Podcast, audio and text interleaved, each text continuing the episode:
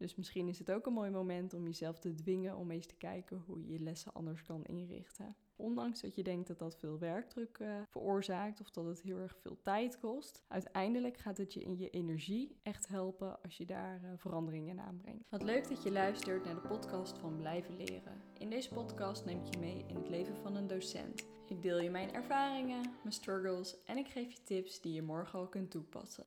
Mijn naam is Jonna en je kunt mij kennen van mijn social media kanalen, van mijn online cursussen, inspiratiesessies of van de vele artikelen die ik deel. Door te delen kan je vermenigvuldigen. Superleuk dat je er bent. In deze podcast neem ik jullie mee in mijn start van het schooljaar.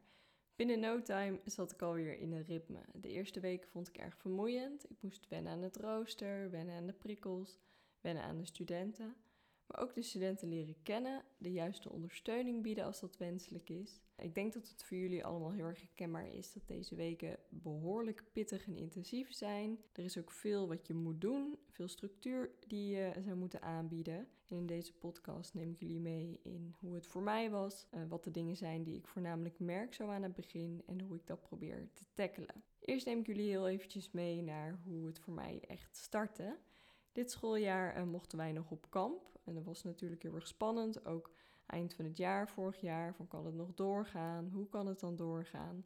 En uiteraard konden we dat niet doen zoals we dat hadden bedacht. Er was geen overnachting en uh, er was wel heel veel ruimte daar, waardoor we juist de volledige klas konden ontvangen om dan daar uh, op locatie kennis te maken. Want we wisten al dat we dan rest van het schooljaar waarschijnlijk, of in ieder geval de komende periode, in halve klassen moesten gaan werken. Het begon eigenlijk goed. Eh, de studenten waren mooi op tijd. Uh, niet iedereen natuurlijk. Er was ook een student die had gedoe met de trein, dus die kwam echt een heel, uh, heel stuk later aan. Maar in principe ging het allemaal goed. Iedereen had gewoon zijn eigen mondkapje mee. Wij hadden ook echt zo'n tafeltje neergezet met mondkapjes, een soort intekenlijst van is iedereen er. En we zaten zelf nog een beetje van hoe doen we dat op anderhalve meter, want het was natuurlijk allemaal nog heel ongewoon. Inmiddels ben ik er ontzettend aan gewend, ook in de lessen overigens, maar daarover zo meteen meer. En ja, het was gewoon heel leuk om iedereen te ontvangen en om weer lekker aan de slag te gaan. Nou, wat deden we dan bij die uh, introductiedag? Het was gewoon een volledige dag dus. Van ochtends tot uh, nou, ongeveer na het uh, avondeten. Rond een uur of zeven zaten we geloof ik alweer in de bus of iets eerder zelfs. We begonnen met allerlei kennismakingsactiviteiten die we dan zelf hadden moeten voorbereiden. dus een paar dingen als uh, sta op als. En dan kon je dan gaan staan bij bepaalde stellingen. Nou, de meeste studenten eh, die uh, werken tegenwoordig bij een supermarkt. Dus die doen het altijd goed om even te benoemen van nou, sta op als je bij de Albert Heijn werkt of bij de Jumbo. Nou, en degene die dan opstaan, kan je nog een beetje doorvragen. En wat mooi is aan die werkvorm is dat studenten meteen overeenkomsten ontdekken. En je kan hem echt perfect op anderhalve meter doen. Nou, we hadden ook nog een soort pubquiz, maar dan zonder dat het in de pub was natuurlijk. Was ook super leuk. Kan je ook meteen zien wie er fanatiek is, wie er vals spelen. Nou, dat is altijd wel een grappig, uh, grappig idee. En um, daarnaast had een collega van mij van sport, die had allerlei sportactiviteiten bedacht op anderhalve meter. En ook een aantal breinbrekers. Superleuk. Dus voor mij ging die dag eigenlijk heel snel. En de studenten ook. Natuurlijk waren we moe aan het einde. Ik trouwens wat minder dan normaal. Maar dat kwam misschien omdat we lekker patatjes en salade hadden gegeten. En daar maak je mij al heel snel blij mee. Nou, op basis van het uh, kamp was het aan mij eigenlijk om op basis van de eerste ervaringen, een beetje voorkennis over de student, maar als ik heel eerlijk ben, voornamelijk op basis van mijn intuïtie en mijn observaties, om die klas in tweeën te delen. Ik had goed geobserveerd uh, wie leek er goed te matchen, wie trok al een beetje naar elkaar toe. En op die manier heb ik mensen bij elkaar gezet.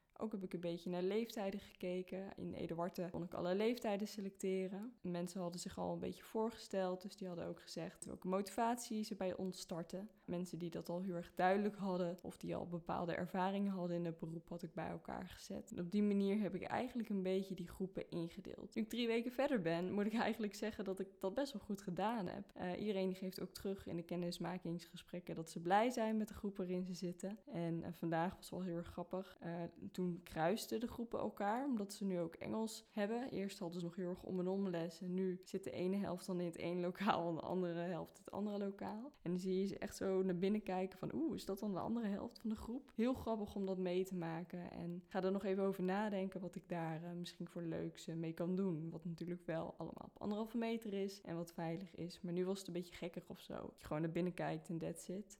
Maar goed, vond ik leuk om even met jullie te delen. Hadden op dinsdag hadden we kamp en op vrijdag was de eerste introductiedag. En het was heel erg belangrijk dat iedereen daar natuurlijk was. En ook dat iedereen wist in welke groep die zat. En ik wilde daar nog even over nadenken. Sommigen hadden het op de dag zelf al gemaakt. Ik wilde dat zorgvuldig afwegen. Ehm, en daar heb ik zelf altijd wat meer tijd voor nodig. Dus ik had het de dag erna gemaakt. Maar ik had er wel aan gedacht om iedereen even een uh, mailadres op te laten schrijven. Waar ik eenmalig naar zou mailen voor uh, het lokaal, voor de indeling, bla bla bla. En die had ik op kamp gevraagd. Dus daardoor hadden ze ook eigenlijk geen reden om er niet te zijn. Want zowel op schoolmail als op hun privémail werden zij gemaild. Daar had ik dus de groepsindeling ook gedeeld. En ook aangegeven, ja goh, ik heb geen idee of ik het goed heb gedaan. Want ik heb zo'n gevoel. Maar ik had geen fotolijst. Dus ik moest de namen zo goed mogelijk proberen te matchen met mijn herinneringen. Um, dus laat het weten als dat uh, fout gegaan is. Of als je merkt van hé, hey, maar ik was de hele tijd met die en ja, we zitten nu niet bij elkaar. Want ik vond het ook fijn dat ze ja, in toch wel die ingewikkelde tijd die we nu hebben, een beetje zich prettig voelen natuurlijk in die groep. Überhaupt heel belangrijk natuurlijk. Maar ik had het in één keer goed gedaan. Dus ik kreeg helemaal geen reacties. Iedereen was blij. En die vrijdag ontving ik ze dus in halve groepen. De eerste anderhalf uur de ene groep en de andere anderhalf uur de andere groep. Nou, ik zal nu eerst heel even vertellen hoe dat dan allemaal verliep en dat soort dingen. En daarna ga ik eigenlijk over op de dingen die uh, ja, voor mij nu in deze eerste weken best wel een rol spelen, die ik wel pittig vind en hoe ik daarmee omga. Nou, die vrijdag ontving ik ze dus voor de introductie. Eigenlijk ging dat vooral om praktische zaken. En ik merkte dat het bij zulke dingen handig is om gewoon even een soort checklist te maken van nou, voordat jullie dit lokaal verlaten, dan moeten we dit fixed hebben.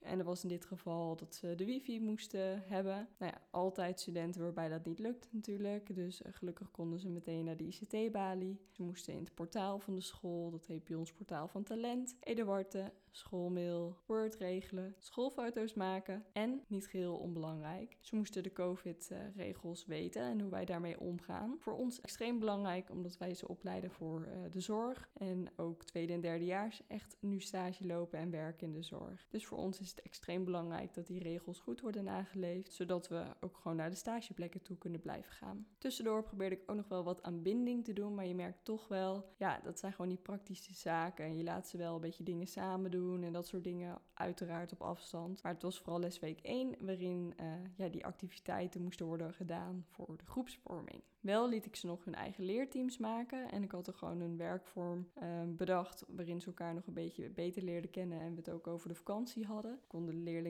vakantieverhalen delen, zodat ze eigenlijk een beetje zich relaxed voelden en op basis van dat gevoel, ja, zonder stress, rustig groepjes konden maken voor de leerteam. En in die leerteams werken zij in principe aan eindopdrachten. Of in deze periode, dat hoeft in het vervolg niet zo te zijn, maar de eerste periode is dat wel handig. En ze werken dan aan lesopdrachten. En ik merk dat uh, nu in de praktijk dat ze vaak bij elkaar gaan zitten, ook in de fysieke lessen. Dus eigenlijk hebben ze gewoon een fijn clubje waar ze lekker mee kunnen optrekken. Even hoe wij het geregeld hebben. Ik zie mijn klas heel veel en uh, ik realiseer me dat ik daar echt heel veel geluk mee heb. Dat het heel erg gunstig voor mij is als studentcoach. Ik zie ze op de dinsdag en de woensdag fysiek op school, in halve groepen dus. En op donderdag online. En een van mijn collega's geeft ze dan op maandag les. En nog twee collega's die geven ze op de fysieke dagen Engels en sport. Nou, in die fysieke lessen geef ik meerdere vakken. Regel ik ook wat studentcoachen, zaken. Dus de eerste week uh, praktische problemen oplossen. In gesprek gaan met studenten die wat langer blijven hangen. En meestal merk je daar dan aan dat ze graag wat meer willen delen. En dat er misschien wat speelt. Een overzicht met inleveropdrachten en data met ze maken. Uitleggen hoe ik contact heb met ouders bij 18 plus en 18 min. Licenties die niet werken, daarmee aan de slag. En uiteraard ook vertellen hoe de kennismakingsgesprekken zijn ingepland. Nou, dat was voor mij een beetje de opstart. In grote lijnen merk ik dat er een aantal dingen bij mij overheersen. Dat zijn één de vermoeidheid en twee de extreme behoefte om de basis op orde te krijgen. Er ervoor te zorgen dat iedereen in een ritme komt. Ik ga ze even toelichten. De vermoeidheid. Nou, we hebben zelf een heel fijn rooster. Ik merk wel dat we best wel lange dagen draaien. Dus voor mij eventjes wennen. Dus het is echt noodzakelijk om voor jezelf een werkwijze te bedenken die je niet uitput. En ik merk dat vooral de balans tussen het jij-werken, noem ik het maar even, en het zij-werken, dat die goed moet zijn. Zeker de eerste weken, en dat las ik ook overal op social media, ervaren mensen best wel heel erg de behoefte om te zenden. Eigenlijk moet je goed nadenken, ja, bij wie moet dat zweet nou op de rug staan? En die moet wel op de juiste rug staan. De eerste weken moet je veel structuur bieden, maar het is ook zo dat de studenten aan de slag moeten. Blijf pauzeren. Bij mij schiet zoiets er echt bij in als ik druk ben. Ik allerlei kleine dingen tussendoor lopen doen en zo. Vast heel herkenbaar. Toen ik dat doorkreeg, ben ik wat bewuster gaan pauzeren. Ik maak nu van die post-its, die plak ik op mijn laptop en dan schrijf ik even de kleine vragen en to-do's op. En dan plan ik die vervolgens in in mijn bureautijd. En dan pak ik ze langzaamaan één voor één op. En zorg ervoor dat je thuis ook echt even uit kan. En voor mij betekent dat echt letterlijk dat mijn laptop echt dicht moet. Geen dingen doen uh, voor werk, echt even ontspannen. Ik ben begonnen met hardlopen, het begin van het schooljaar. En eigenlijk vind ik het best wel heel relaxed. Ik kijk er zelfs een beetje naar uit dat het morgen weer gaat. Het is echt best heftig eigenlijk.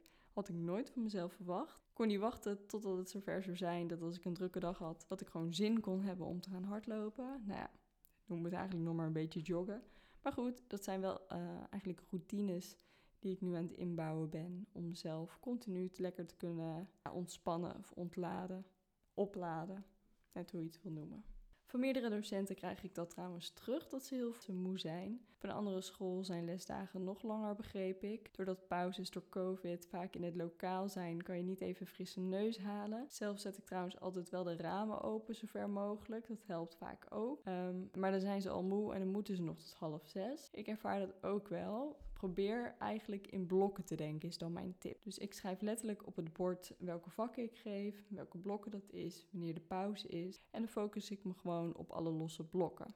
En die balans is dus heel erg belangrijk. Laat eh, studenten zelf een opdracht lezen en maken en doe het daarna nabespreken. Doe een check in duo's werkvorm, waarna je daarna klassikaal aan de slag gaat. Laat ze iets op een padlet inleveren, zodat je in één oogopslag alle antwoorden ziet, in plaats van dat je ze één voor één langs moet. Probeer daar efficiëntie in te creëren. Bijkomend voordeel is dat alleen maar zenden ook niet tot leren leidt. Dus misschien is het ook een mooi moment om jezelf te dwingen om eens te kijken hoe je je lessen anders kan inrichten. Ondanks dat je denkt dat dat veel werkdruk uh, veroorzaakt of dat het heel erg veel tijd kost, uiteindelijk gaat het je in je energie echt helpen als je daar uh, veranderingen in aanbrengt. Als tweede de basis op orde. Voor mij betekent dat echt dat alle studenten enigszins gesetteld zijn. Dat regel je niet in twee weken. Maar ik heb wel altijd een soort lijstje in mijn hoofd van nou, dit moet wel een beetje in orde zijn eh, de eerste weken. En die probeer ik dan één voor één te tackelen. Misschien heb jij daar ook wat aan. Studenten die extra zorgondersteuning uh, nodig hebben, die probeer ik naar passend onderwijs te krijgen. Of in ieder geval te kijken wat ze nodig denken te hebben. En dan probeer ik dat te monitoren of in de gaten te hebben. Dus echt snel met iedereen kennis maken om te weten wat iemand uh, nodig heeft. Sowieso snel kennis maken. Weten wat de motivatie is van de student om te starten, zodat je die kan blijven prikkelen. Studenten elkaar laten leren kennen. Laten bepalen met elkaar wat ze van elkaar verwachten. Studenten moeten het rooster kennen, de inleverdata, COVID-regels en zich daar ook aan houden. Spullen bij zich hebben, dat soort zaken. En ik weet dat toen ik in opleiding was, toen regelde ik dat allemaal zelf. Echt, ik heb toch lopen leuren aan die studenten, dat is niet normaal. Nu weet ik welke structuur ik moet bieden en wat de student zelf kan oppakken. En dat spreek ik ook expliciet uit. Ik maak bijvoorbeeld een algemene kennismakingsmail voor alle ouders van studenten onder de 18. Eén keer mailen en heb je meteen informatie gegeven over wie jij bent, hoe ze jou kunnen benaderen en op welke manier jij eigenlijk werkt. Ik plan kennismakingsgesprekken in en ik geef aan dat de studenten zelf initiatief moeten nemen als dat gesprek te laat gepland is, als ze een langer gesprekje willen of iets anders. Op die manier leg ik ook meteen die verantwoordelijkheid bij hen. Ik gebruik mijn lessen om heel veel dingen voor elkaar te krijgen. Dus bijvoorbeeld als het gaat om kennismaken en die groepsband gebruik ik veel verwerkingsvormen waarbij ze samen aan de slag gaan en ook met verschillende studenten aan de slag gaan. Dan is het eigenlijk meteen een soort groepsvorming. Ik bespreek expliciet welke groepsnormen en waarden ze hebben. En daar heb ik bijvoorbeeld een werkvorm uh, voor bedacht. En die heb ik op Instagram gedeeld. Misschien leuk om even te bekijken. Dan laat ik ze bijvoorbeeld opschrijven wat ze belangrijk vinden in een fijne klasgenoot. Ze schrijven de waarden en de normen op. Die categoriseer ik. En dan kijk ik wat de overeenkomsten en de verschillen zijn. En dan bespreken we wat we eigenlijk belangrijk vinden in een klas. Helpt meteen omdat je elkaar daar dan ook aan kan spreken in de samenwerking bijvoorbeeld. In week 2 maken we samen al een overzicht met deadline. In periode 2 kunnen zij dat misschien zelf doen. In de eerste periode help ik daar nog bij. En ik spreek studenten eigenlijk structureel aan op als ze hun spullen niet bij zich hebben. En ik probeer ervoor te zorgen dat ze die ook nodig hebben in de les, waardoor de urgentie hoger wordt om het ook echt mee te nemen. En dan zitten ze waarschijnlijk sneller in die houding die je eigenlijk van ze verwacht. Zoals jullie merken doe ik eigenlijk heel veel dingen geleidelijk. Ik verweef het in mijn lessen en dat voorkomt voor mij een te hoge werkdruk. Al moet ik ik zeggen. Ik vind het ook best wel druk op dit moment. Mijn tip voor jou: zet eens op een rij wat jouw studenten nodig hebben om lekker te kunnen starten. En ook wat jij nodig hebt. Welke basis is er nodig? En daar kan je ook prima een werkvorm van maken.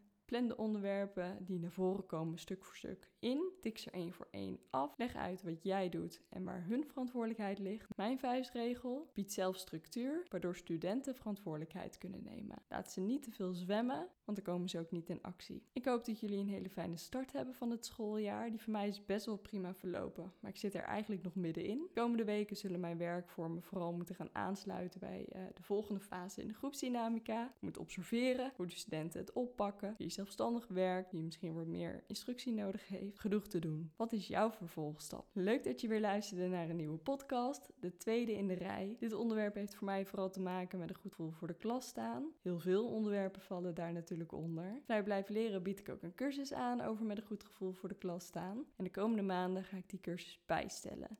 Laat het mij weten als er bepaalde onderwerpen in terug moeten komen. Het onderwerp waar we het vandaag over hadden komt daar ook in terug. En houd mijn Instagram in de gaten voor meer informatie en uiteindelijk de livegang van de cursus. Leuk dat je er was. Ik hoop dat je er de volgende keer weer bij bent. Als je het leuk vond, zou ik het leuk vinden als je de podcast even volgt. Je hem deelt in je Instagram story. Want samen blijven we leren in het onderwijs. Tot de volgende.